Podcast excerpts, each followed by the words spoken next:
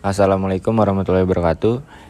Di sini saya dan kelompok saya ingin membahas materi dari buku Ilmu Komunikasi karangan Prof. Dedi Mulyana. Sebelumnya saya ingin memperkenalkan anggota kelompok saya.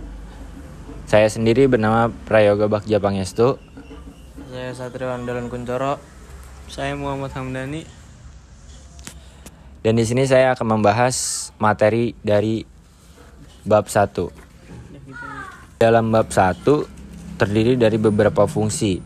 Fungsi yang pertama adalah komunikasi sosial dan kedua komunikasi ekspresif dan ketiga komunikasi ritual dan yang keempat komunikasi instrumental. Penjelasan dari fungsi yang pertama adalah fungsi komunikasi sebagai komunikasi sosial setidaknya mengisyaratkan bahwa komunikasi penting untuk membangun konsep diri kita. Aktualisasi diri untuk kelangsungan hidup, untuk memperoleh kebahagiaan, terhindar dari tekanan dan ketegangan, antara lain lewat komunikasi yang menghibur dan menumpuk hubungan dengan orang lain.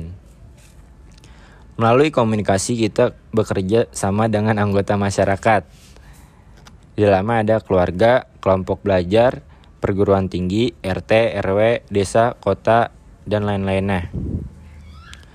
Orang yang tidak pernah berkomunikasi dengan manusia bisa dipastikan akan tersesat karena ia tidak sempat menata dirinya dalam suatu lingkungan sosial. Komunikasilah yang kemungkinan individu membangun suatu kerangka rujukan dan menggunakannya sebagai panduan untuk menafsirkan situasi dan apa pun yang ia hadapi. Komunikasi pula yang memungkinkannya mempelajari dan menerapkan strategi-strategi adaptif atau mengatasi situasi-situasi problematik yang ia masuki. Tanpa melibatkan diri dalam komunikasi, seorang tidak akan tahu bagaimana makan, minum, berbicara sebagai manusia dan memperlakukan manusia lain secara beradab. Karena cara-cara berperilaku tersebut harus dipelajari lewat pengasuhan keluarga dan pergaulan dengan orang orang lain yang intinya adalah komunikasi. Anak-anak yang karena kecelakaan, kesengsaraan atau karena hal lain tero terisolasi atau terabaikan oleh manusia lainnya akan tampak liar. Perilaku mereka lebih menyerupai perilaku hewan daripada perlakuan manusia. Bahasa mereka sering merupakan suara-suara tidak bermakna seperti teriakan, jeritan, dengkuran, atau gerutuan. Dan suara-suara ganjil lainnya. Maka Victor manusia liar asal Evri, Eviron yang dibesarkan serigala yang hidup akhir abad ke-18 juga makan minum dan berlaku seperti pengasuhnya. Serigala, sayang, Victor, mati muda. Sesudah ia ditemukan manusia beradab dan dicoba dididik menjadi manusia normal seperti kita. Dan selanjutnya pembentukan konsep diri. Konsep diri adalah pandangan kita mengenai siapa diri kita. Dan itu hanya bisa kita peroleh lewat informasi yang diberikan oleh orang lain kepada kita. Manusia yang tidak pernah berkomunikasi dengan manusia lainnya tidak mungkin mempunyai kesadaran bahwa dirinya adalah manusia. Kita sadar bahwa kita manusia karena orang-orang di sekeliling kita menunjukkan kepada kita lewat perilaku verbal dan nonverbal mereka bahwa kita manusia. Dan selanjutnya ada pernyataan eksistensi diri. Orang berkomunikasi untuk menunjukkan diri eksis. Inilah yang disebut aktualisasi diri atau lebih cep lebih tepat lagi pernyataan eksistensi diri. Kita dapat memodifikasi phrase filosof Prancis Ren Descartes pada tahun 1596 sampai 1650. Yang terkenal itu Cogito ergo sum yang ber, yang artinya saya berpikir maka saya ada. Menjadi saya berbicara maka saya ada. Melalui komunikasi dengan orang lain, kita dapat memenuhi kebutuhan emosional dan intelektual kita dengan mem memupuk hubungan yang hangat dengan orang-orang di sekitar kita. Tanpa pengasuhan dan pendidikan yang wajar, manusia akan mengalami kemerosotan emosional dan intelektual. Kebutuhan emosional dan intelektual itu kita peroleh pertama-tama dari keluarga kita, lalu dari orang-orang dekat di sekeliling kita seperti kerabat dan kawan-kawan sebaya. Dan barulah dari masyarakat umumnya, termasuk sekolah dan media massa seperti surat kabar dan televisi. Dalam fungsi yang kedua yaitu ada komunikasi ekspresif. Komunikasi ekspresif yaitu erat kaitannya dengan komunikasi sosial. Komunikasi ekspresif yang dapat dilakukan baik sendirian ataupun dalam kelompok komunikasi ekspresif tidak otomatis bertujuan mempengaruhi orang lain, namun dapat dilakukan sejauh komunikasi tersebut menjadi instrumen untuk menyampaikan perasaan-perasaan atau emosi kita. Perasaan-perasaan tersebut dikomunikasikan terutama melalui pesan-pesan nonverbal. Perasaan sayang, peduli, rindu, simpati, gembira, sedih, takut, perhatian, marah, dan benci dapat disampaikan lewat kata-kata, namun terutama lewat perilaku nonverbal. Seorang ibu menunjukkan kasih sayangnya dengan membeli kepala anaknya. Seorang atasan menunjukkan simpati kepada bawahannya yang istrinya baru meninggal dengan menumpuk baunya. Orang dapat menyalurkan kemarahan dengan mengumpat, berkecak pinggang, mengepalkan tangan seraya melototkan matanya. Mahasiswa memprotes kebijakan penguasa, penguasa negara atau penguasa kampus dengan melakukan demonstrasi, unjuk rasa, mogok makan, atau aksi diam.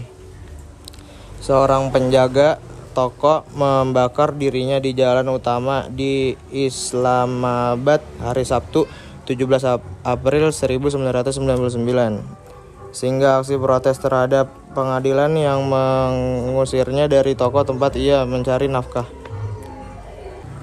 Perasaan bahkan juga bisa diungkapkan dengan memberi bunga, misalnya sebagai tanda cinta atau kasih sayang, atau ketika kita ingin menyatakan selamat kepada orang yang berulang tahun lulus menjadi sarjana atau menikah atau juga menyatakan simpati dan duka cita kepada orang yang salah satu anggota keluarganya meninggal dunia. Akan akan tetapi kita harus hati-hati dengan jenis bunga yang kita bawa. Di Australia, mawar merah adalah lambang cinta romantik. Di negara kita, bunga Kamboja sering diasosiasikan dengan bunga kuburan sehingga tidak banyak orang yang menanamnya di halaman rumah apalagi diberikan kepada orang yang sedang ulang tahun. Meskipun di Bali bunga ini lazim ditanam di halaman rumah dan juga digunakan untuk sesaji.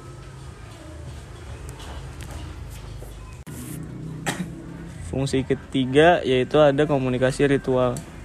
Erat kaitannya dengan komunikasi ekspresif adalah komunikasi ritual yang biasanya dilakukan secara kolektif, yaitu komunitas sering melakukan upacara-upacara berlainan sepanjang tahun dan sepanjang hidup yang disebut para antropolog sebagai rites of passage mulai dari upacara kelahiran, sunatan, ulang tahun, pertunangan, siraman, pernikahan, sungkem kepada orang tua, sawer, dan lainnya. Ulang tahun perkawinan hingga upacara kematian. Dalam acara-acara itu, Orang mengucapkan kata-kata atau menampilkan perilaku-perilaku simbolik.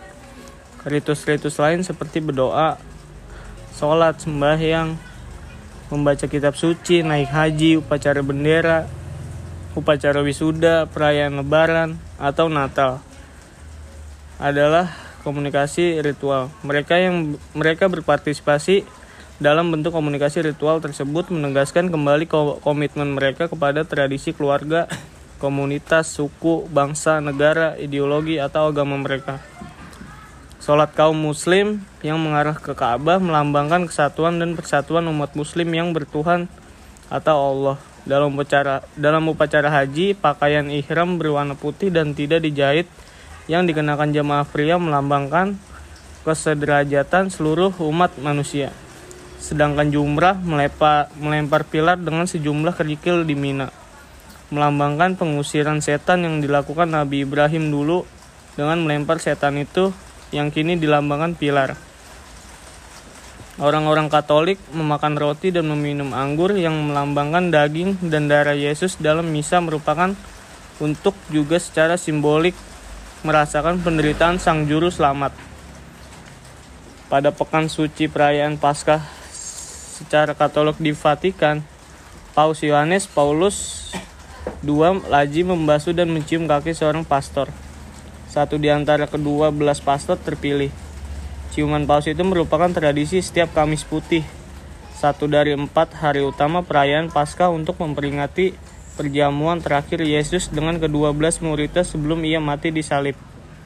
Di Indonesia, beberapa organisasi keagamaan Islam atau partai politik mengadakan acara istighosah untuk mendoakan agar pemimpin mereka menjadi pemimpin bangsa, agar para pemimpin diberi petunjuk atau agar bangsa Indonesia terhindar dari bencana nasional. Fungsi ritual juga tampak dalam acara pelamaran yang dilakukan keluarga calon mempelai pria kepada keluarga calon mempelai wanita. Wakil keluarga pria meminta kesediaan dari keluarga calon mempelai wanita agar putri mereka, putri mereka dijadikan istri calon mempelai pria. Dan keluarga calon mempelai wanita kemudian memenuhi, memenuhi permintaan itu. Dan kita tahu peristiwa itu hanya sekadar sandiwara, karena sebenarnya sebelum pelamaran itu berlangsung, kedua keluarga sudah sepakat akan rencana anak-anak mereka untuk menempuh hidup baru. Dalam upacara perkawinan adat Sunda, adegan pengantin wanita membersihkan kaki pengantin pria setelah pengantin pria menginjak telur mentah, melambangkan kesetiaan dan pengabdian istri kepada suami. Dan kesediaan untuk memperoleh bimbingannya sementara huap lingkung melambangkan bahwa suami istri harus harmonis dan saling membutuhkan saling memberi dan menerima, dan saling menyayangi. Kegiatan ritual memungkinkan para pesertanya berbagi komitmen emosional dan menjadi perekat bagi kepaduan mereka, juga sebagai pengabdian kepada kelompok. Ritual menciptakan perasaan tertib dalam dunia yang tanpanya kacau balau. Ritual memberikan rasa nyaman akan keteramalan, Bila ritual tidak dilakukan, orang menjadi bingung. Misalnya, bila dua orang bertemu pada hari Lebaran dan orang pertama mengulurkan tangan, sedangkan orang kedua sekadar memandangnya. Kebingungan dan ketegangan muncul. Bukanlah substansi kegiatan ritual itu sendiri yang terpenting, melainkan perasaan senasib sepenanggungan yang menyertainya. Perasaan bahwa kita terikat oleh sesuatu yang lebih besar daripada diri kita sendiri yang bersifat abadi dan bahwa kita diakui dan diterima dalam kelompok mau itu agama, etnik, ataupun sosial. Fungsi keempat, komunikasi instrumental mempunyai beberapa tujuan umum, yaitu menginformasikan, mengajar, mendorong, mengubah sikap dan keyakinan, dan mengubah perilaku atau menggerakkan tindakan dan juga menghibur. Bila diringkas, maka kesemuan tujuan tersebut dapat disebut membujuk atau bersifat persuasif.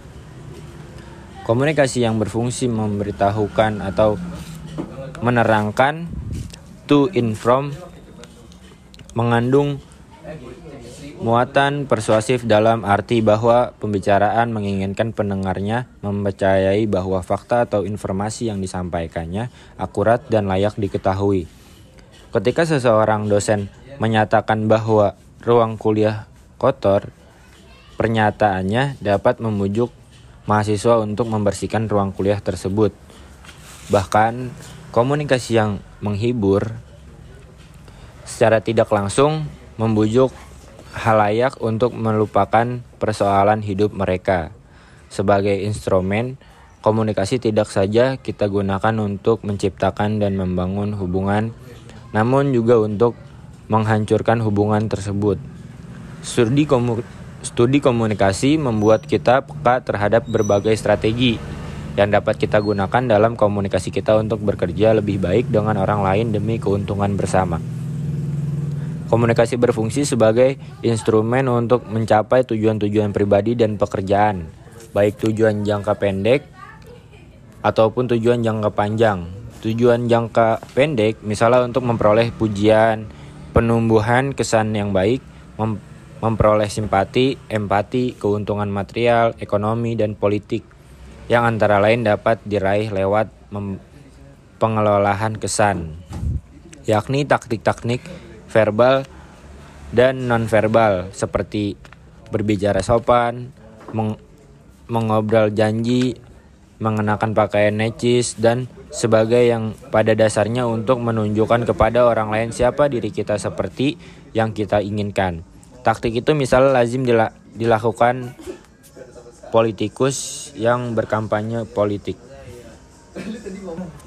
Sementara itu, tujuan jangka panjang dapat diraih lewat keahlian komunikasi, misalnya keahlian berpidato, berunding, berbahasa asing, ataupun keahlian menulis. Kedua tujuan itu tentu saja berkaitan dalam arti bahwa berbagai pengelolaan kesan itu secara kumulatif dapat digunakan untuk mencapai tujuan jangka panjang berupa keberhasilan dalam karir, misalnya untuk memperoleh jabatan, kekuasaan, penghormatan sosial, dan kekayaan. Terima kasih. Sekian pembahasan dari kelompok kami. Wassalamualaikum warahmatullahi wabarakatuh.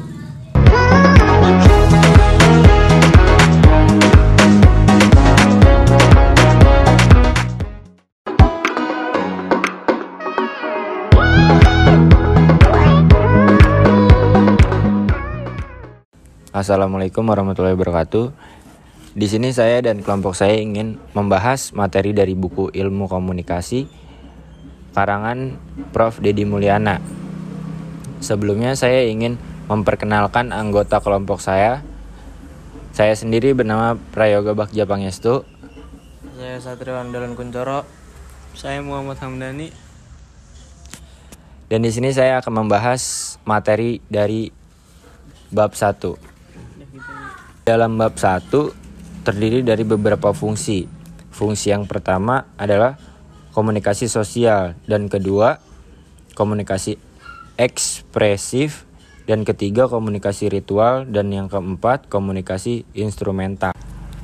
Penjelasan dari fungsi yang pertama adalah fungsi komunikasi sebagai komunikasi sosial setidaknya mengisyaratkan bahwa komunikasi penting untuk membangun konsep diri kita aktualisasi diri untuk kelangsungan hidup, untuk memperoleh kebahagiaan, terhindar dari tekanan dan ketegangan, antara lain lewat komunikasi yang menghibur dan menumpuk hubungan dengan orang lain.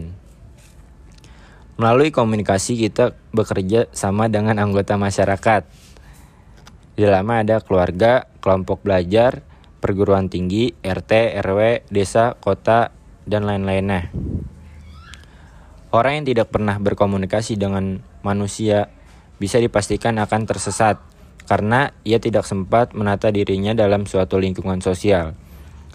Komunikasilah yang kemungkinan individu membangun suatu kerangka rujukan dan menggunakannya sebagai panduan untuk menafsirkan situasi dan apa pun yang ia hadapi.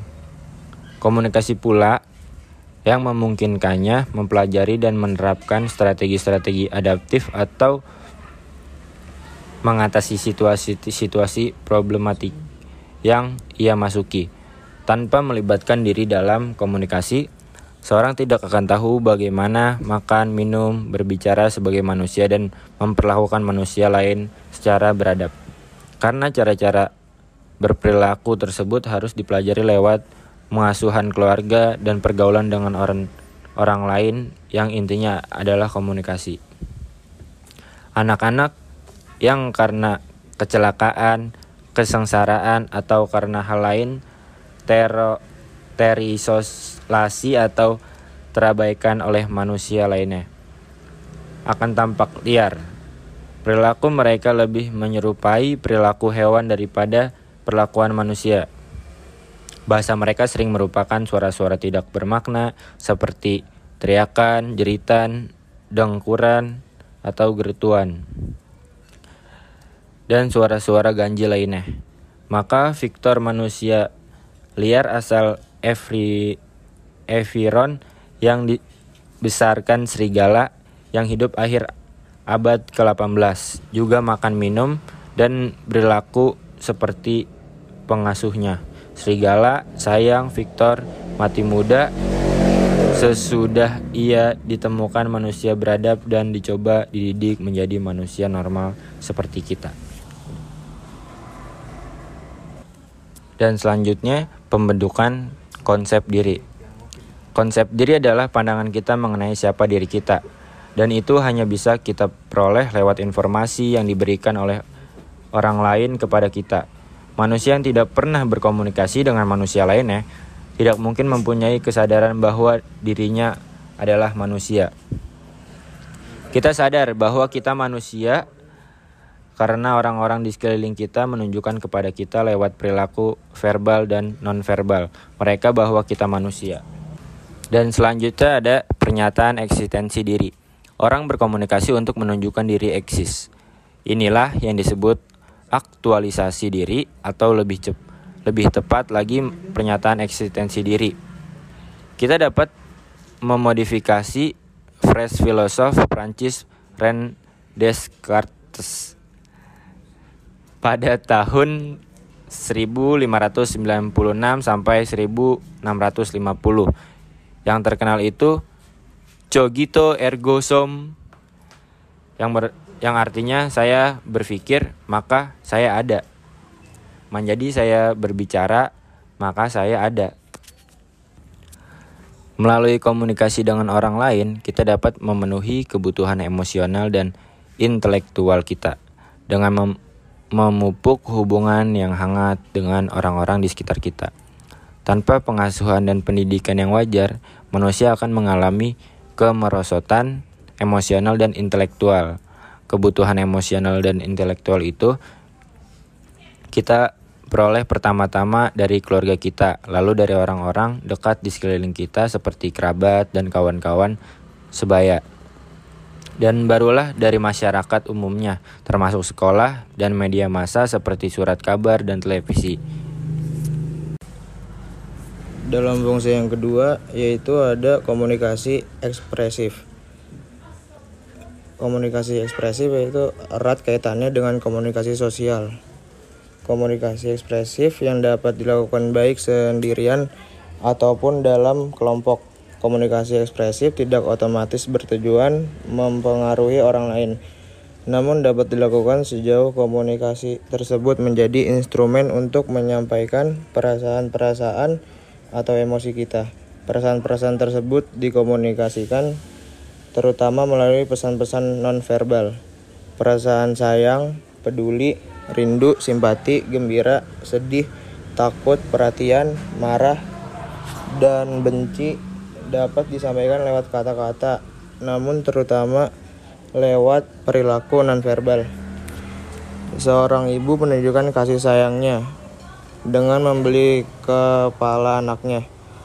Seorang atasan menunjukkan simpati kepada bawahannya yang istrinya baru meninggal dengan menumpuk baunya.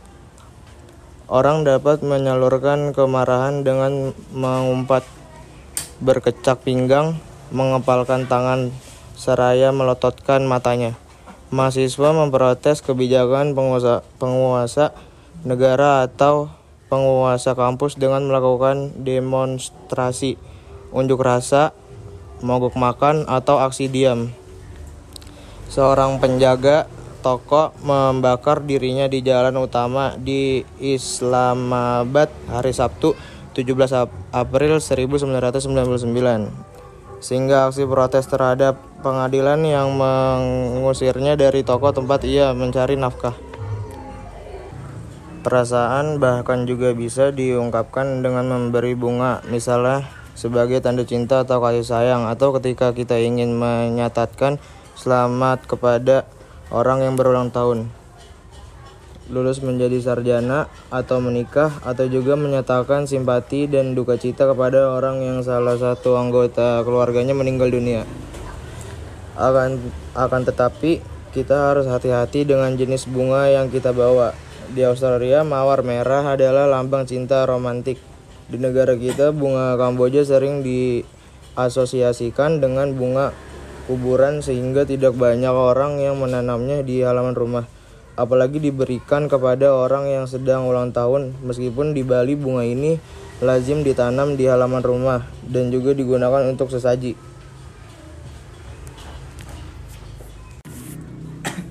Fungsi ketiga yaitu ada komunikasi ritual. Erat kaitannya dengan komunikasi ekspresif adalah komunikasi ritual yang biasanya dilakukan secara kolektif, yaitu komunitas sering melakukan upacara-upacara berlainan sepanjang tahun dan sepanjang hidup yang disebut para antropolog sebagai rites of passage.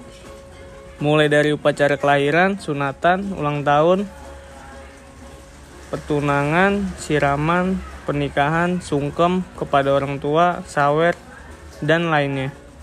Ulang tahun perkawinan hingga upacara kematian. Dalam acara-acara itu, orang mengucapkan kata-kata atau menampilkan perilaku-perilaku simbolik.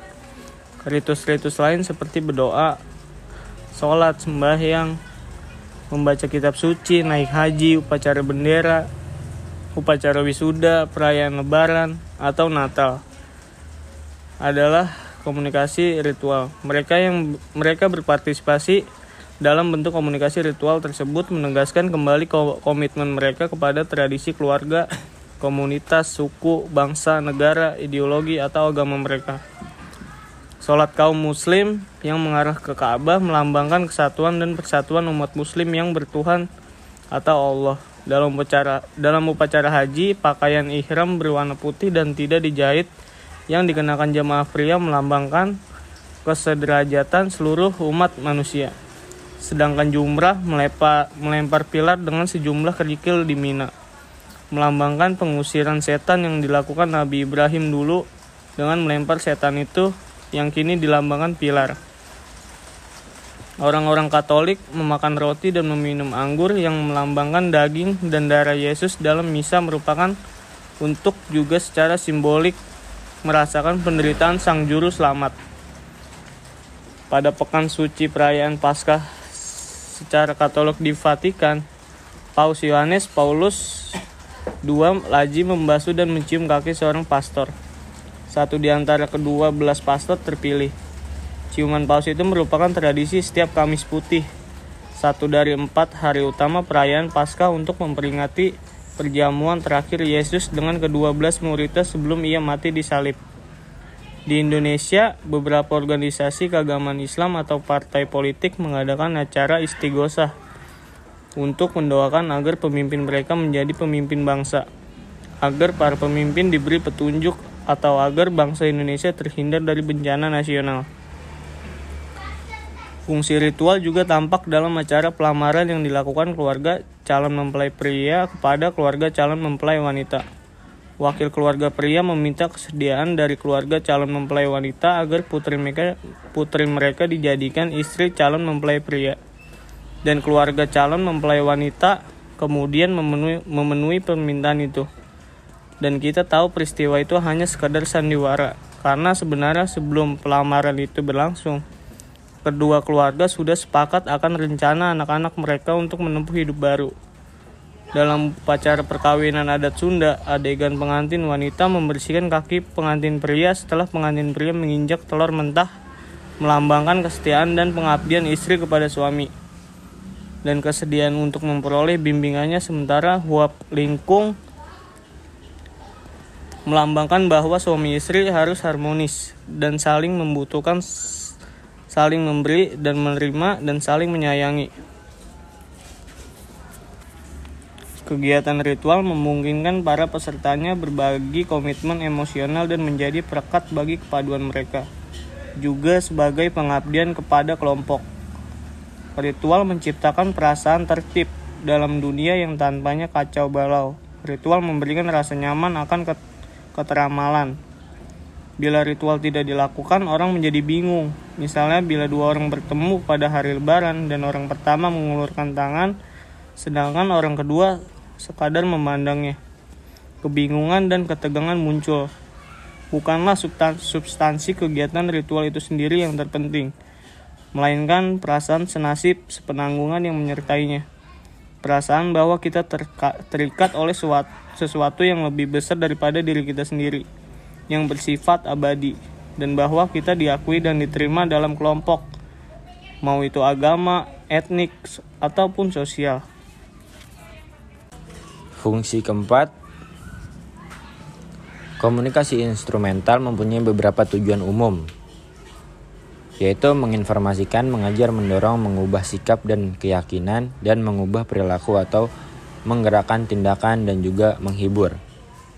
Bila diringkas, maka kesemuan tujuan tersebut dapat disebut membujuk atau bersifat persuasif.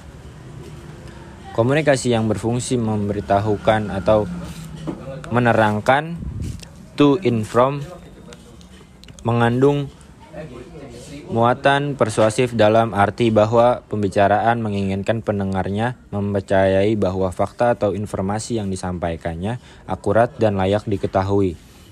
Ketika seseorang dosen menyatakan bahwa ruang kuliah kotor, pernyataannya dapat memujuk mahasiswa untuk membersihkan ruang kuliah tersebut.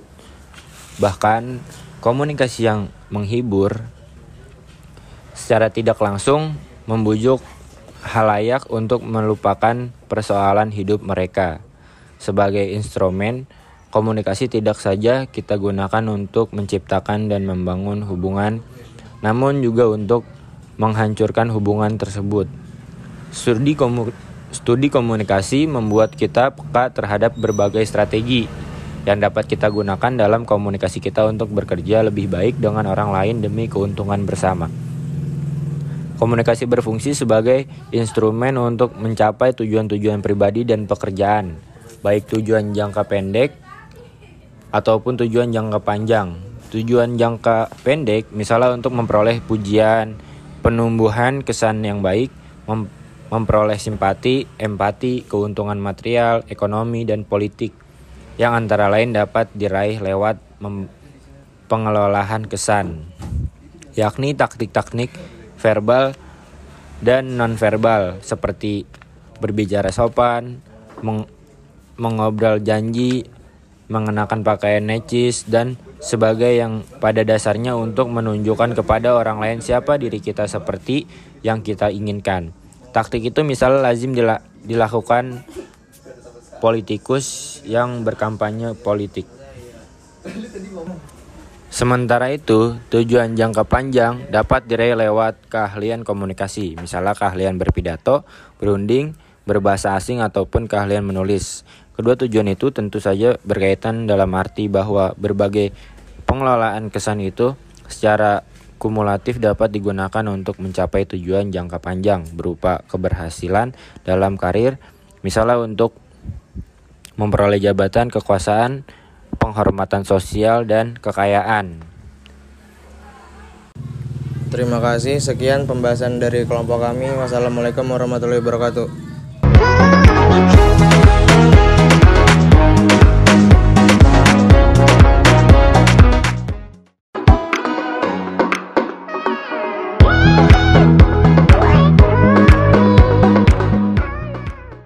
Assalamualaikum warahmatullahi wabarakatuh. Di sini saya dan kelompok saya ingin membahas materi dari buku Ilmu Komunikasi karangan Prof. Dedi Mulyana. Sebelumnya saya ingin memperkenalkan anggota kelompok saya.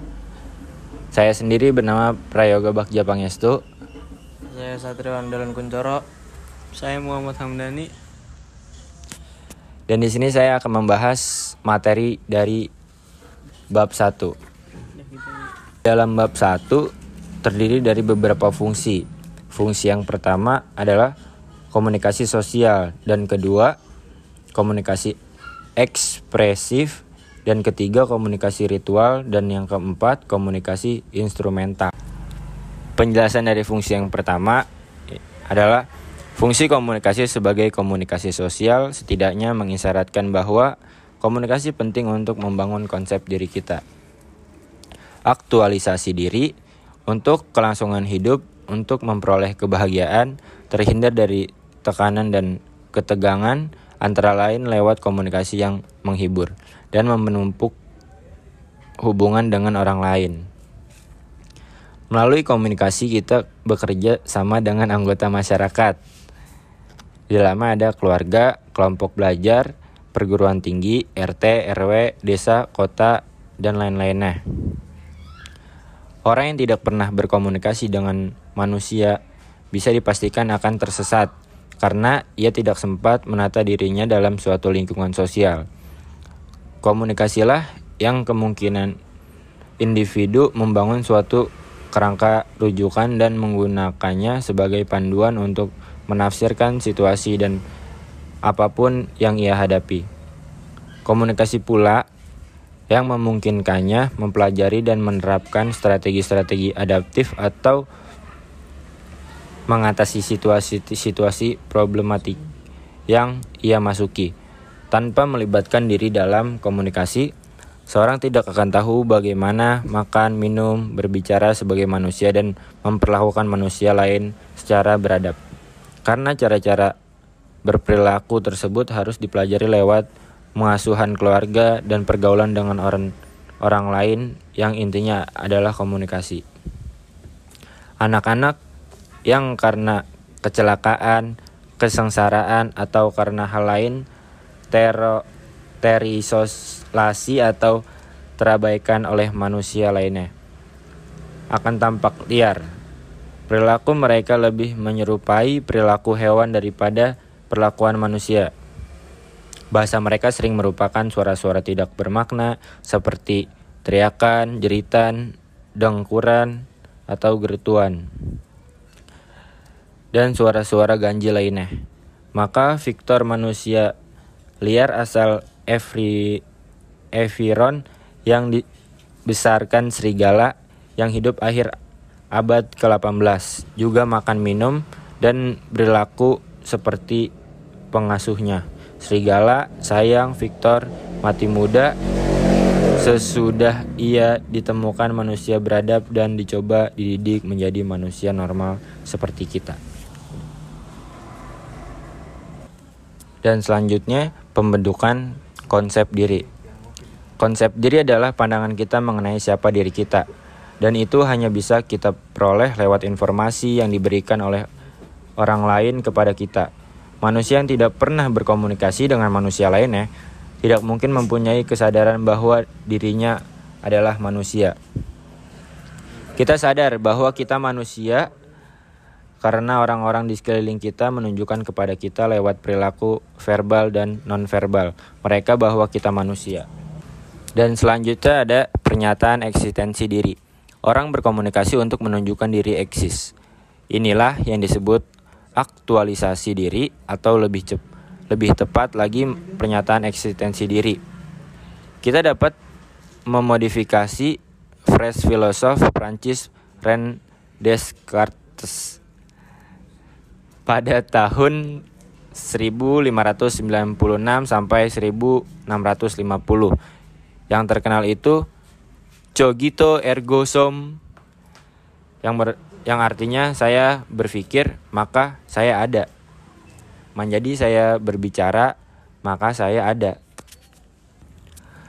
Melalui komunikasi dengan orang lain, kita dapat memenuhi kebutuhan emosional dan intelektual kita dengan mem memupuk hubungan yang hangat dengan orang-orang di sekitar kita. Tanpa pengasuhan dan pendidikan yang wajar, manusia akan mengalami kemerosotan emosional dan intelektual. Kebutuhan emosional dan intelektual itu kita peroleh pertama-tama dari keluarga kita, lalu dari orang-orang dekat di sekeliling kita seperti kerabat dan kawan-kawan sebaya. Dan barulah dari masyarakat umumnya, termasuk sekolah dan media massa seperti surat kabar dan televisi. Dalam fungsi yang kedua yaitu ada komunikasi ekspresif. Komunikasi ekspresif yaitu erat kaitannya dengan komunikasi sosial. Komunikasi ekspresif yang dapat dilakukan baik sendirian ataupun dalam kelompok. Komunikasi ekspresif tidak otomatis bertujuan mempengaruhi orang lain. namun dapat dilakukan sejauh komunikasi tersebut menjadi instrumen untuk menyampaikan perasaan-perasaan atau emosi kita. Perasaan-perasaan tersebut dikomunikasikan terutama melalui pesan-pesan nonverbal. Perasaan sayang, peduli, rindu, simpati, gembira, sedih, takut, perhatian, marah, dan benci dapat disampaikan lewat kata-kata, namun terutama lewat perilaku nonverbal. Seorang ibu menunjukkan kasih sayangnya dengan membeli kepala anaknya. Seorang atasan menunjukkan simpati kepada bawahannya yang istrinya baru meninggal dengan menumpuk baunya. Orang dapat menyalurkan kemarahan dengan mengumpat, berkecak pinggang, mengepalkan tangan, seraya melototkan matanya. Mahasiswa memprotes kebijakan penguasa, penguasa negara atau penguasa kampus dengan melakukan demonstrasi, unjuk rasa, mogok makan, atau aksi diam. Seorang penjaga toko membakar dirinya di jalan utama di Islamabad hari Sabtu 17 April 1999 sehingga aksi protes terhadap pengadilan yang mengusirnya dari toko tempat ia mencari nafkah. Perasaan bahkan juga bisa diungkapkan dengan memberi bunga, misalnya sebagai tanda cinta atau kasih sayang, atau ketika kita ingin menyatakan selamat kepada orang yang berulang tahun lulus menjadi sarjana atau menikah atau juga menyatakan simpati dan duka cita kepada orang yang salah satu anggota keluarganya meninggal dunia. Akan akan tetapi kita harus hati-hati dengan jenis bunga yang kita bawa.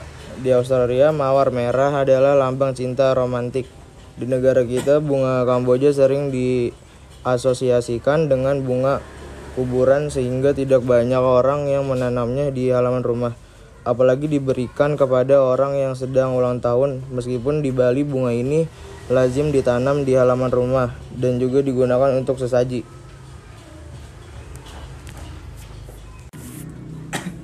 Fungsi ketiga yaitu ada komunikasi ritual.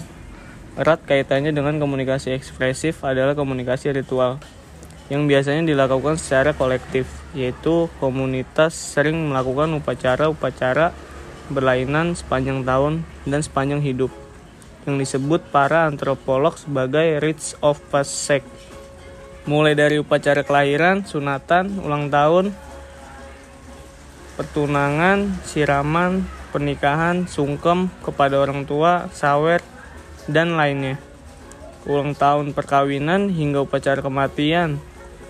Dalam acara-acara itu, Orang mengucapkan kata-kata atau menampilkan perilaku-perilaku simbolik.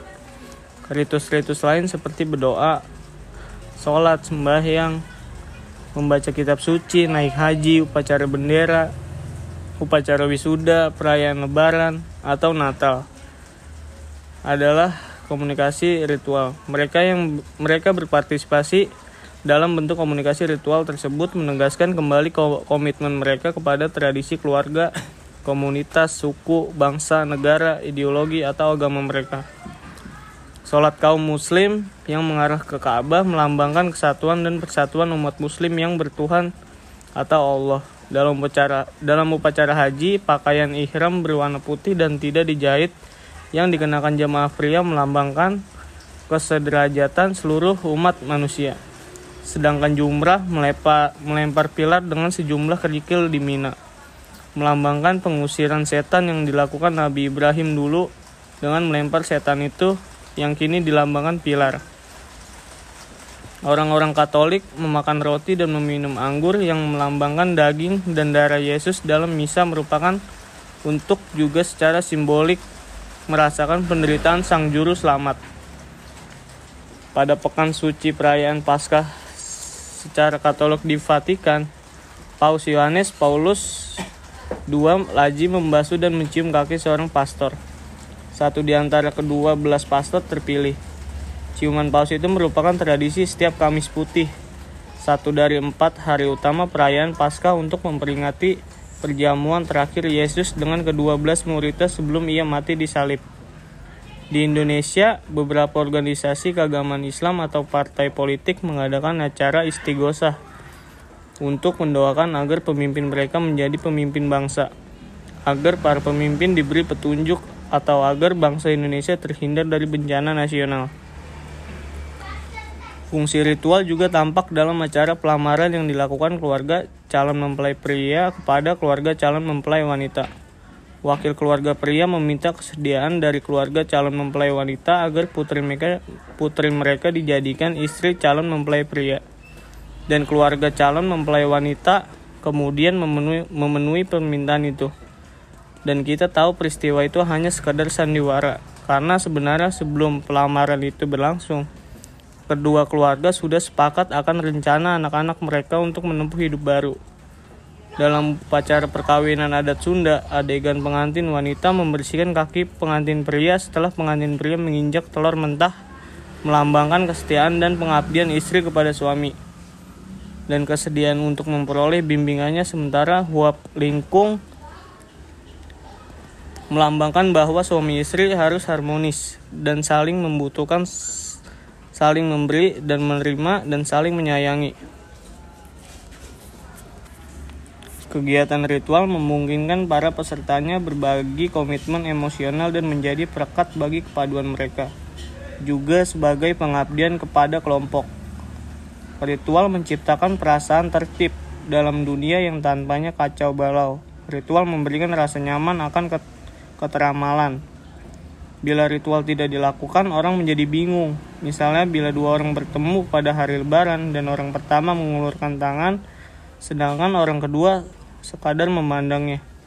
Kebingungan dan ketegangan muncul.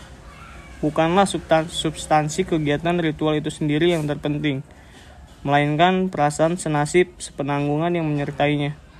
Perasaan bahwa kita terikat oleh sesuatu yang lebih besar daripada diri kita sendiri, yang bersifat abadi, dan bahwa kita diakui dan diterima dalam kelompok, mau itu agama, etnik, ataupun sosial. Fungsi keempat, komunikasi instrumental mempunyai beberapa tujuan umum, yaitu menginformasikan, mengajar, mendorong, mengubah sikap dan keyakinan, dan mengubah perilaku atau menggerakkan tindakan dan juga menghibur. Bila diringkas, maka kesemuan tujuan tersebut dapat disebut membujuk atau bersifat persuasif. Komunikasi yang berfungsi memberitahukan atau menerangkan to inform mengandung muatan persuasif dalam arti bahwa pembicaraan menginginkan pendengarnya mempercayai bahwa fakta atau informasi yang disampaikannya akurat dan layak diketahui. Ketika seseorang dosen menyatakan bahwa ruang kuliah kotor, pernyataannya dapat memujuk mahasiswa untuk membersihkan ruang kuliah tersebut. Bahkan komunikasi yang menghibur secara tidak langsung membujuk halayak untuk melupakan persoalan hidup mereka. Sebagai instrumen, komunikasi tidak saja kita gunakan untuk menciptakan dan membangun hubungan, namun juga untuk menghancurkan hubungan tersebut. Studi Studi komunikasi membuat kita peka terhadap berbagai strategi yang dapat kita gunakan dalam komunikasi kita untuk bekerja lebih baik dengan orang lain demi keuntungan bersama. Komunikasi berfungsi sebagai instrumen untuk mencapai tujuan-tujuan pribadi dan pekerjaan, baik tujuan jangka pendek ataupun tujuan jangka panjang. Tujuan jangka pendek misalnya untuk memperoleh pujian, penumbuhan kesan yang baik, memperoleh simpati, empati, keuntungan material, ekonomi, dan politik yang antara lain dapat diraih lewat pengelolaan kesan, yakni taktik-taktik verbal dan nonverbal seperti berbicara sopan, meng mengobrol janji, mengenakan pakaian necis, dan sebagai yang pada dasarnya untuk menunjukkan kepada orang lain siapa diri kita seperti yang kita inginkan. Taktik itu misalnya lazim dilakukan politikus yang berkampanye politik. Sementara itu, tujuan jangka panjang dapat diraih lewat keahlian komunikasi, misalnya keahlian berpidato, berunding, berbahasa asing ataupun keahlian menulis. Kedua tujuan itu tentu saja berkaitan dalam arti bahwa berbagai pengelolaan kesan itu secara kumulatif dapat digunakan untuk mencapai tujuan jangka panjang berupa keberhasilan dalam karir, misalnya untuk memperoleh jabatan kekuasaan, penghormatan sosial, dan kekayaan. Terima kasih. Sekian pembahasan dari kelompok kami. Wassalamualaikum warahmatullahi wabarakatuh.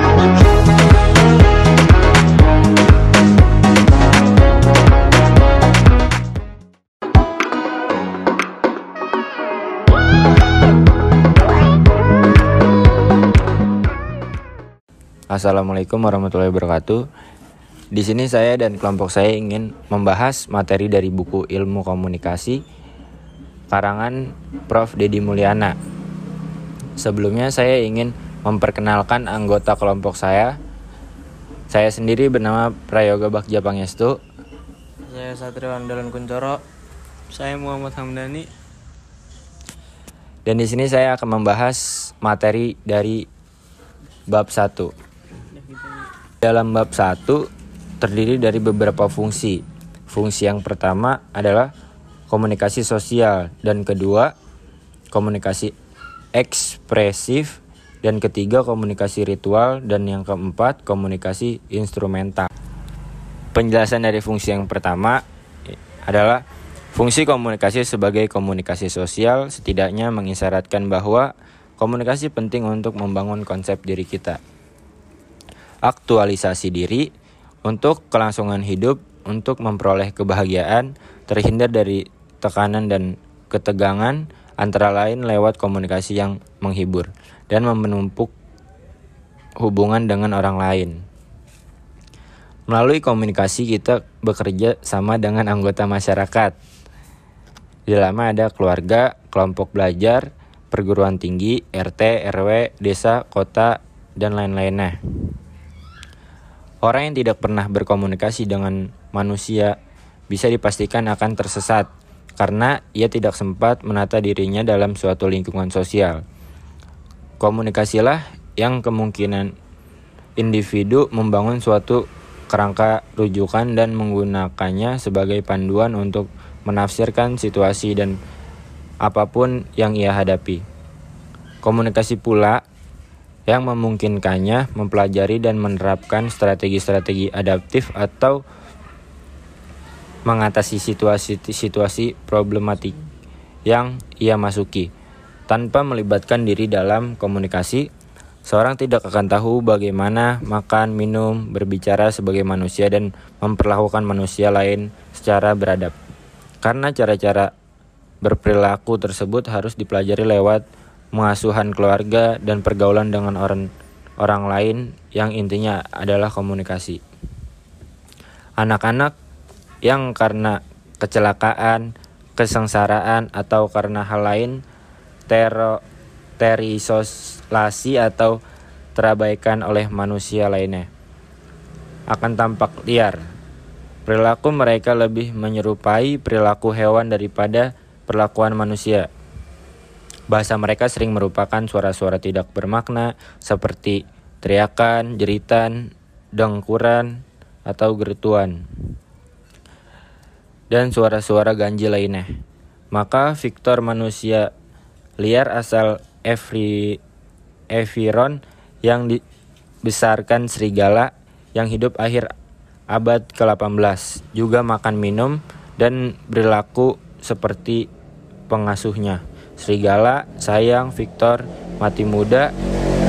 Sesudah ia ditemukan manusia beradab dan dicoba dididik menjadi manusia normal seperti kita. Dan selanjutnya pembentukan konsep diri. Konsep diri adalah pandangan kita mengenai siapa diri kita. Dan itu hanya bisa kita peroleh lewat informasi yang diberikan oleh orang lain kepada kita Manusia yang tidak pernah berkomunikasi dengan manusia lainnya tidak mungkin mempunyai kesadaran bahwa dirinya adalah manusia. Kita sadar bahwa kita manusia karena orang-orang di sekeliling kita menunjukkan kepada kita lewat perilaku verbal dan nonverbal mereka bahwa kita manusia. Dan selanjutnya ada pernyataan eksistensi diri.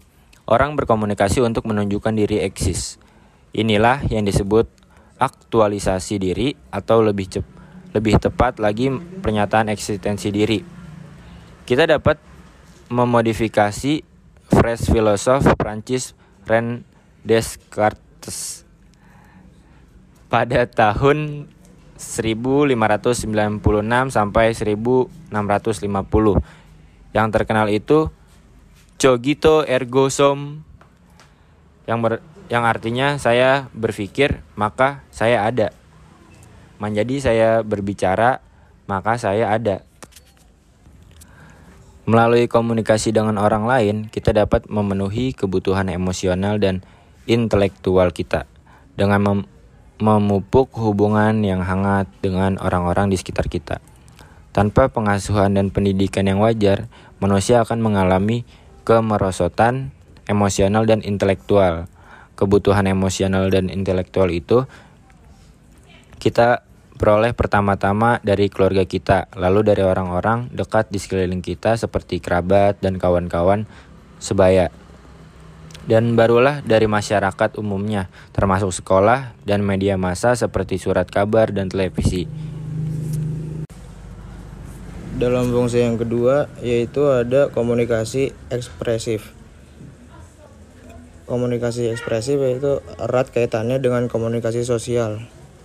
Komunikasi ekspresif yang dapat dilakukan baik sendirian ataupun dalam kelompok Komunikasi ekspresif tidak otomatis bertujuan mempengaruhi orang lain, namun dapat dilakukan sejauh komunikasi tersebut menjadi instrumen untuk menyampaikan perasaan-perasaan atau emosi kita. Perasaan-perasaan tersebut dikomunikasikan terutama melalui pesan-pesan nonverbal.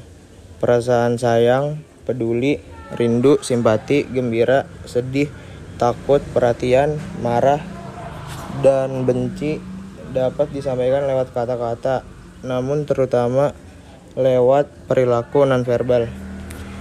Seorang ibu menunjukkan kasih sayangnya dengan membeli kepala anaknya. Seorang atasan menunjukkan simpati kepada bawahannya yang istrinya baru meninggal dengan menumpuk baunya. Orang dapat menyalurkan kemarahan dengan mengumpat, berkecak pinggang, mengepalkan tangan seraya melototkan matanya. Mahasiswa memprotes kebijakan penguasa, penguasa negara atau penguasa kampus dengan melakukan demonstrasi, unjuk rasa, mogok makan, atau aksi diam. Seorang penjaga toko membakar dirinya di jalan utama di Islamabad hari Sabtu 17 April 1999 sehingga aksi protes terhadap pengadilan yang mengusirnya dari toko tempat ia mencari nafkah. Perasaan bahkan juga bisa diungkapkan dengan memberi bunga, misalnya sebagai tanda cinta atau kasih sayang, atau ketika kita ingin menyatakan selamat kepada orang yang berulang tahun lulus menjadi sarjana atau menikah atau juga menyatakan simpati dan duka cita kepada orang yang salah satu anggota keluarganya meninggal dunia. Akan akan tetapi kita harus hati-hati dengan jenis bunga yang kita bawa. Di Australia, mawar merah adalah lambang cinta romantik. Di negara kita, bunga Kamboja sering diasosiasikan dengan bunga kuburan sehingga tidak banyak orang yang menanamnya di halaman rumah apalagi diberikan kepada orang yang sedang ulang tahun. Meskipun di Bali bunga ini lazim ditanam di halaman rumah dan juga digunakan untuk sesaji.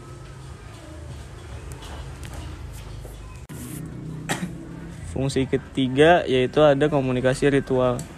Erat kaitannya dengan komunikasi ekspresif adalah komunikasi ritual yang biasanya dilakukan secara kolektif, yaitu komunitas sering melakukan upacara-upacara berlainan sepanjang tahun dan sepanjang hidup yang disebut para antropolog sebagai rites of passage mulai dari upacara kelahiran, sunatan, ulang tahun, pertunangan, siraman, pernikahan, sungkem kepada orang tua, sawer, dan lainnya. Ulang tahun perkawinan hingga upacara kematian. Dalam acara-acara itu, orang mengucapkan kata-kata atau menampilkan perilaku-perilaku simbolik.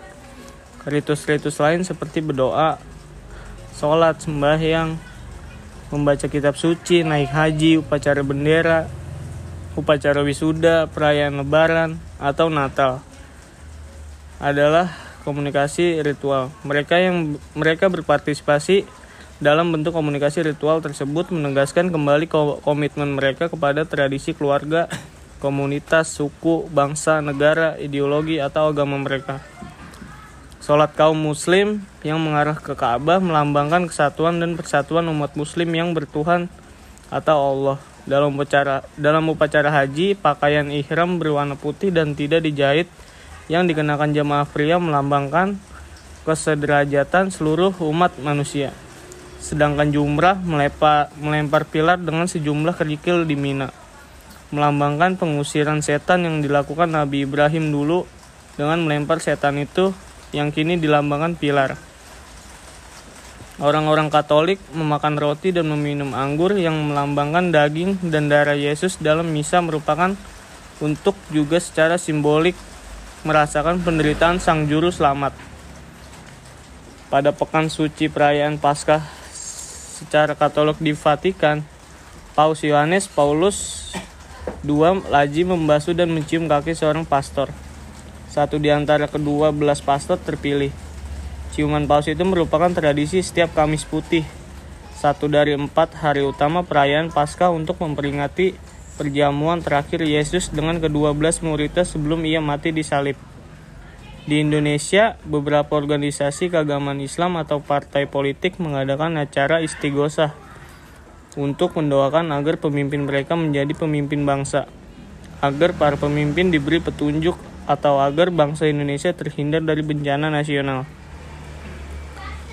Fungsi ritual juga tampak dalam acara pelamaran yang dilakukan keluarga calon mempelai pria kepada keluarga calon mempelai wanita. Wakil keluarga pria meminta kesediaan dari keluarga calon mempelai wanita agar putri mereka, putri mereka dijadikan istri calon mempelai pria. Dan keluarga calon mempelai wanita kemudian memenuhi, memenuhi permintaan itu.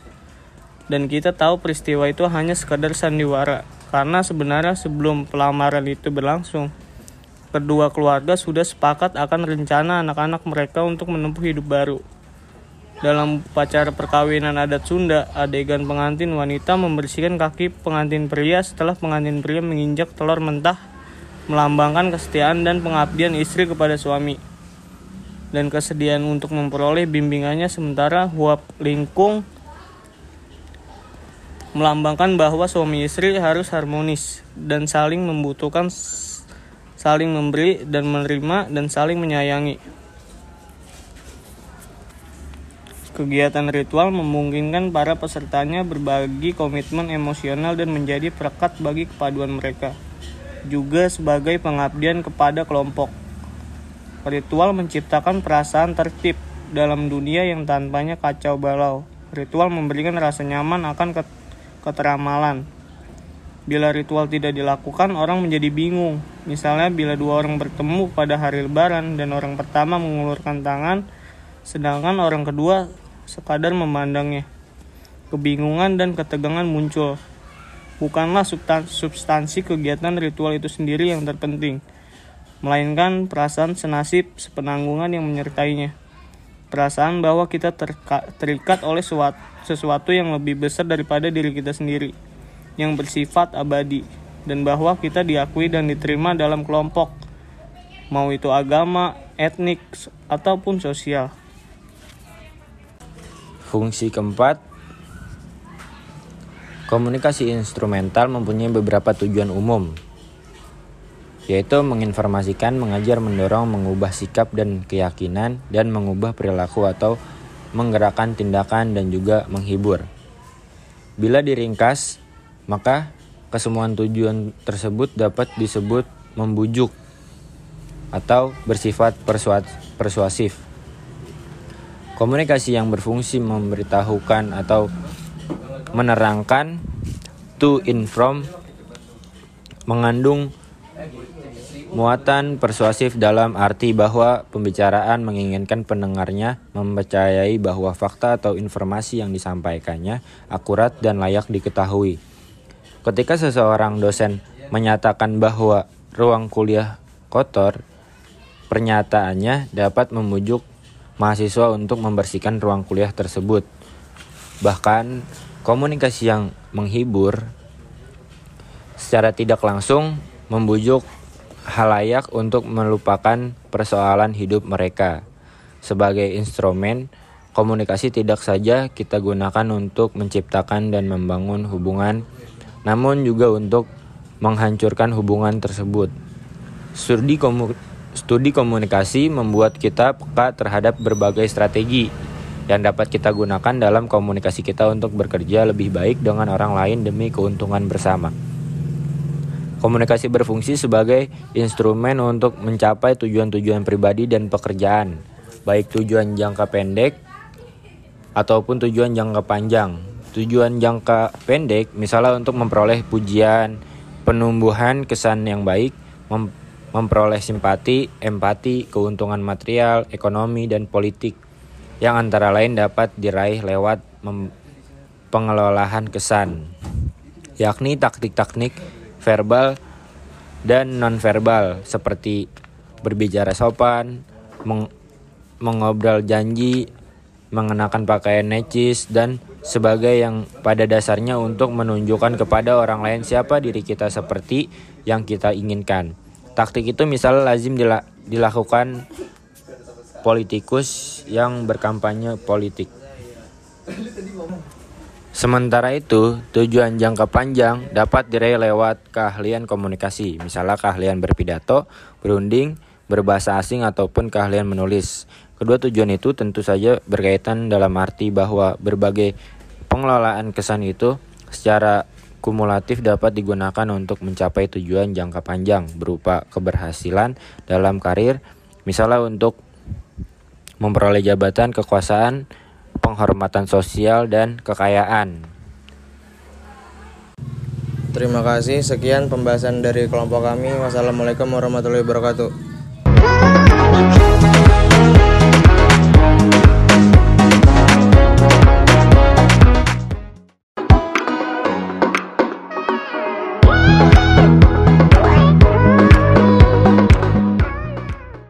Assalamualaikum warahmatullahi wabarakatuh.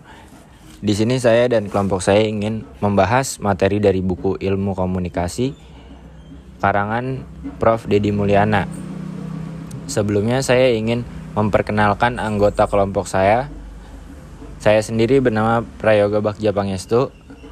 Saya Satrio Andalan Kuncoro. Saya Muhammad Hamdani. Dan di sini saya akan membahas materi dari bab 1. Dalam bab 1 terdiri dari beberapa fungsi. Fungsi yang pertama adalah komunikasi sosial dan kedua komunikasi ekspresif dan ketiga komunikasi ritual dan yang keempat komunikasi instrumental. Penjelasan dari fungsi yang pertama adalah fungsi komunikasi sebagai komunikasi sosial setidaknya mengisyaratkan bahwa komunikasi penting untuk membangun konsep diri kita. Aktualisasi diri untuk kelangsungan hidup, untuk memperoleh kebahagiaan, terhindar dari tekanan dan ketegangan, antara lain lewat komunikasi yang menghibur dan menumpuk hubungan dengan orang lain. Melalui komunikasi kita bekerja sama dengan anggota masyarakat. Di dalamnya ada keluarga, kelompok belajar, perguruan tinggi, RT, RW, desa, kota, dan lain-lainnya. Orang yang tidak pernah berkomunikasi dengan manusia bisa dipastikan akan tersesat karena ia tidak sempat menata dirinya dalam suatu lingkungan sosial. Komunikasilah yang kemungkinan individu membangun suatu kerangka rujukan dan menggunakannya sebagai panduan untuk menafsirkan situasi dan apa pun yang ia hadapi. Komunikasi pula yang memungkinkannya mempelajari dan menerapkan strategi-strategi adaptif atau mengatasi situasi-situasi problematik yang ia masuki. Tanpa melibatkan diri dalam komunikasi, Seorang tidak akan tahu bagaimana makan, minum, berbicara sebagai manusia dan memperlakukan manusia lain secara beradab. Karena cara-cara berperilaku tersebut harus dipelajari lewat pengasuhan keluarga dan pergaulan dengan orang orang lain yang intinya adalah komunikasi. Anak-anak yang karena kecelakaan, kesengsaraan atau karena hal lain tero terisolasi atau terabaikan oleh manusia lainnya akan tampak liar. Perilaku mereka lebih menyerupai perilaku hewan daripada perlakuan manusia. Bahasa mereka sering merupakan suara-suara tidak bermakna seperti teriakan, jeritan, dengkuran, atau gerutuan. Dan suara-suara ganjil lainnya. Maka Victor manusia liar asal Evri, Eviron yang dibesarkan serigala yang hidup akhir abad ke-18 juga makan minum dan berlaku seperti pengasuhnya. Serigala sayang Victor mati muda sesudah ia ditemukan manusia beradab dan dicoba dididik menjadi manusia normal seperti kita. Dan selanjutnya pembentukan konsep diri. Konsep diri adalah pandangan kita mengenai siapa diri kita, dan itu hanya bisa kita peroleh lewat informasi yang diberikan oleh orang lain kepada kita. Manusia yang tidak pernah berkomunikasi dengan manusia lainnya tidak mungkin mempunyai kesadaran bahwa dirinya adalah manusia. Kita sadar bahwa kita manusia karena orang-orang di sekeliling kita menunjukkan kepada kita lewat perilaku verbal dan nonverbal mereka bahwa kita manusia. Dan selanjutnya ada pernyataan eksistensi diri. Orang berkomunikasi untuk menunjukkan diri eksis. Inilah yang disebut aktualisasi diri atau lebih cep lebih tepat lagi pernyataan eksistensi diri. Kita dapat memodifikasi phrase filosof Prancis Ren Descartes pada tahun 1596 sampai 1650. Yang terkenal itu cogito ergo sum yang ber, yang artinya saya berpikir maka saya ada. Menjadi saya berbicara maka saya ada. Melalui komunikasi dengan orang lain, kita dapat memenuhi kebutuhan emosional dan intelektual kita dengan mem memupuk hubungan yang hangat dengan orang-orang di sekitar kita. Tanpa pengasuhan dan pendidikan yang wajar, manusia akan mengalami kemerosotan emosional dan intelektual. Kebutuhan emosional dan intelektual itu kita peroleh pertama-tama dari keluarga kita, lalu dari orang-orang dekat di sekeliling kita seperti kerabat dan kawan-kawan sebaya dan barulah dari masyarakat umumnya, termasuk sekolah dan media massa seperti surat kabar dan televisi. Dalam fungsi yang kedua yaitu ada komunikasi ekspresif. Komunikasi ekspresif yaitu erat kaitannya dengan komunikasi sosial. Komunikasi ekspresif yang dapat dilakukan baik sendirian ataupun dalam kelompok Komunikasi ekspresif tidak otomatis bertujuan mempengaruhi orang lain, namun dapat dilakukan sejauh komunikasi tersebut menjadi instrumen untuk menyampaikan perasaan-perasaan atau emosi kita. Perasaan-perasaan tersebut dikomunikasikan terutama melalui pesan-pesan nonverbal. Perasaan sayang, peduli, rindu, simpati, gembira, sedih, takut, perhatian, marah, dan benci dapat disampaikan lewat kata-kata, namun terutama lewat perilaku nonverbal.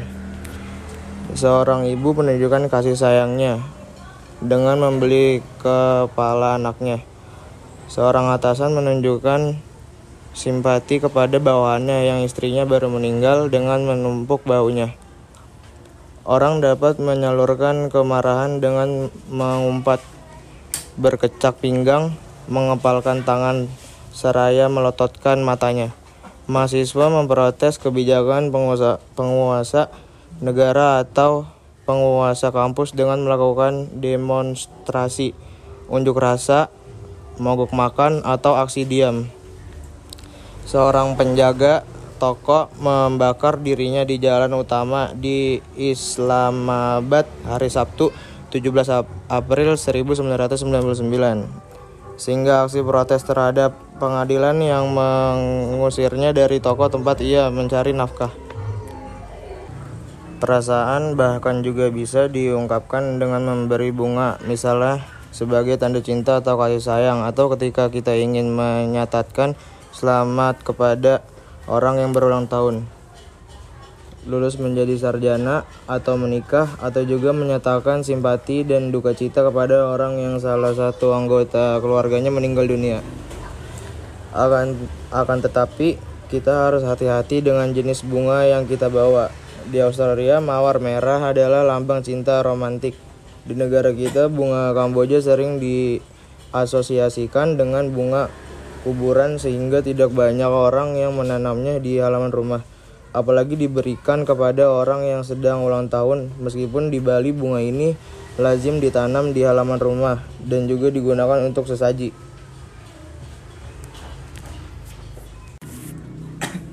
Fungsi ketiga yaitu ada komunikasi ritual. Erat kaitannya dengan komunikasi ekspresif adalah komunikasi ritual yang biasanya dilakukan secara kolektif, yaitu komunitas sering melakukan upacara-upacara berlainan sepanjang tahun dan sepanjang hidup yang disebut para antropolog sebagai rites of passage mulai dari upacara kelahiran, sunatan, ulang tahun, pertunangan, siraman, pernikahan, sungkem kepada orang tua, sawer, dan lainnya. Ulang tahun perkawinan hingga upacara kematian. Dalam acara-acara itu, Orang mengucapkan kata-kata atau menampilkan perilaku-perilaku simbolik. Ritus-ritus lain seperti berdoa, sholat, sembahyang, membaca kitab suci, naik haji, upacara bendera, upacara wisuda, perayaan lebaran, atau Natal adalah komunikasi ritual. Mereka yang mereka berpartisipasi dalam bentuk komunikasi ritual tersebut menegaskan kembali komitmen mereka kepada tradisi keluarga komunitas, suku, bangsa, negara, ideologi, atau agama mereka. Sholat kaum muslim yang mengarah ke Ka'bah melambangkan kesatuan dan persatuan umat muslim yang bertuhan atau Allah. Dalam upacara, dalam upacara haji, pakaian ihram berwarna putih dan tidak dijahit yang dikenakan jamaah pria melambangkan kesederajatan seluruh umat manusia. Sedangkan jumrah melempar, melempar pilar dengan sejumlah kerikil di Mina melambangkan pengusiran setan yang dilakukan Nabi Ibrahim dulu dengan melempar setan itu yang kini dilambangkan pilar. Orang-orang Katolik memakan roti dan meminum anggur yang melambangkan daging dan darah Yesus dalam misa merupakan untuk juga secara simbolik merasakan penderitaan Sang Juru Selamat. Pada pekan suci perayaan Paskah secara Katolik di Vatikan, Paus Yohanes Paulus Dua, Laji membasuh dan mencium kaki seorang pastor. Satu di antara kedua belas pastor terpilih. Ciuman paus itu merupakan tradisi setiap Kamis Putih. Satu dari empat hari utama perayaan Paskah untuk memperingati perjamuan terakhir Yesus dengan kedua belas muridnya sebelum ia mati di salib. Di Indonesia, beberapa organisasi keagamaan Islam atau partai politik mengadakan acara istighosah untuk mendoakan agar pemimpin mereka menjadi pemimpin bangsa, agar para pemimpin diberi petunjuk atau agar bangsa Indonesia terhindar dari bencana nasional. Fungsi ritual juga tampak dalam acara pelamaran yang dilakukan keluarga calon mempelai pria kepada keluarga calon mempelai wanita. Wakil keluarga pria meminta kesediaan dari keluarga calon mempelai wanita agar putri mereka, putri mereka dijadikan istri calon mempelai pria dan keluarga calon mempelai wanita kemudian memenuhi, memenuhi permintaan itu. Dan kita tahu peristiwa itu hanya sekadar sandiwara, karena sebenarnya sebelum pelamaran itu berlangsung, kedua keluarga sudah sepakat akan rencana anak-anak mereka untuk menempuh hidup baru. Dalam upacara perkawinan adat Sunda, adegan pengantin wanita membersihkan kaki pengantin pria setelah pengantin pria menginjak telur mentah, melambangkan kesetiaan dan pengabdian istri kepada suami dan kesediaan untuk memperoleh bimbingannya sementara Huap Lingkung melambangkan bahwa suami istri harus harmonis dan saling membutuhkan saling memberi dan menerima dan saling menyayangi. Kegiatan ritual memungkinkan para pesertanya berbagi komitmen emosional dan menjadi perekat bagi kepaduan mereka. Juga sebagai pengabdian kepada kelompok. Ritual menciptakan perasaan tertib dalam dunia yang tanpanya kacau balau. Ritual memberikan rasa nyaman akan keteramalan. Bila ritual tidak dilakukan, orang menjadi bingung. Misalnya bila dua orang bertemu pada hari lebaran dan orang pertama mengulurkan tangan, sedangkan orang kedua sekadar memandangnya. Kebingungan dan ketegangan muncul. Bukanlah substansi kegiatan ritual itu sendiri yang terpenting, melainkan perasaan senasib sepenanggungan yang menyertainya. Perasaan bahwa kita terikat oleh sesuatu yang lebih besar daripada diri kita sendiri, yang bersifat abadi, dan bahwa kita diakui dan diterima dalam kelompok, mau itu agama, etnik, ataupun sosial. Fungsi keempat, komunikasi instrumental mempunyai beberapa tujuan umum, yaitu menginformasikan, mengajar, mendorong, mengubah sikap dan keyakinan, dan mengubah perilaku atau menggerakkan tindakan dan juga menghibur. Bila diringkas, maka kesemuan tujuan tersebut dapat disebut membujuk atau bersifat persuasif. Komunikasi yang berfungsi memberitahukan atau menerangkan to inform mengandung muatan persuasif dalam arti bahwa pembicaraan menginginkan pendengarnya mempercayai bahwa fakta atau informasi yang disampaikannya akurat dan layak diketahui. Ketika seseorang dosen menyatakan bahwa ruang kuliah kotor, pernyataannya dapat memujuk mahasiswa untuk membersihkan ruang kuliah tersebut. Bahkan komunikasi yang menghibur secara tidak langsung membujuk halayak untuk melupakan persoalan hidup mereka. Sebagai instrumen, komunikasi tidak saja kita gunakan untuk menciptakan dan membangun hubungan, namun juga untuk menghancurkan hubungan tersebut. Studi Studi komunikasi membuat kita peka terhadap berbagai strategi yang dapat kita gunakan dalam komunikasi kita untuk bekerja lebih baik dengan orang lain demi keuntungan bersama. Komunikasi berfungsi sebagai instrumen untuk mencapai tujuan-tujuan pribadi dan pekerjaan, baik tujuan jangka pendek ataupun tujuan jangka panjang. Tujuan jangka pendek misalnya untuk memperoleh pujian, penumbuhan kesan yang baik, memperoleh simpati, empati, keuntungan material, ekonomi, dan politik yang antara lain dapat diraih lewat pengelolaan kesan, yakni taktik-taktik verbal dan nonverbal seperti berbicara sopan, meng mengobrol janji, mengenakan pakaian necis, dan sebagai yang pada dasarnya untuk menunjukkan kepada orang lain siapa diri kita seperti yang kita inginkan. Taktik itu misalnya lazim dilakukan politikus yang berkampanye politik. Sementara itu, tujuan jangka panjang dapat diraih lewat keahlian komunikasi, misalnya keahlian berpidato, berunding, berbahasa asing ataupun keahlian menulis. Kedua tujuan itu tentu saja berkaitan dalam arti bahwa berbagai pengelolaan kesan itu secara kumulatif dapat digunakan untuk mencapai tujuan jangka panjang berupa keberhasilan dalam karir, misalnya untuk memperoleh jabatan, kekuasaan, penghormatan sosial, dan kekayaan. Terima kasih. Sekian pembahasan dari kelompok kami. Wassalamualaikum warahmatullahi wabarakatuh.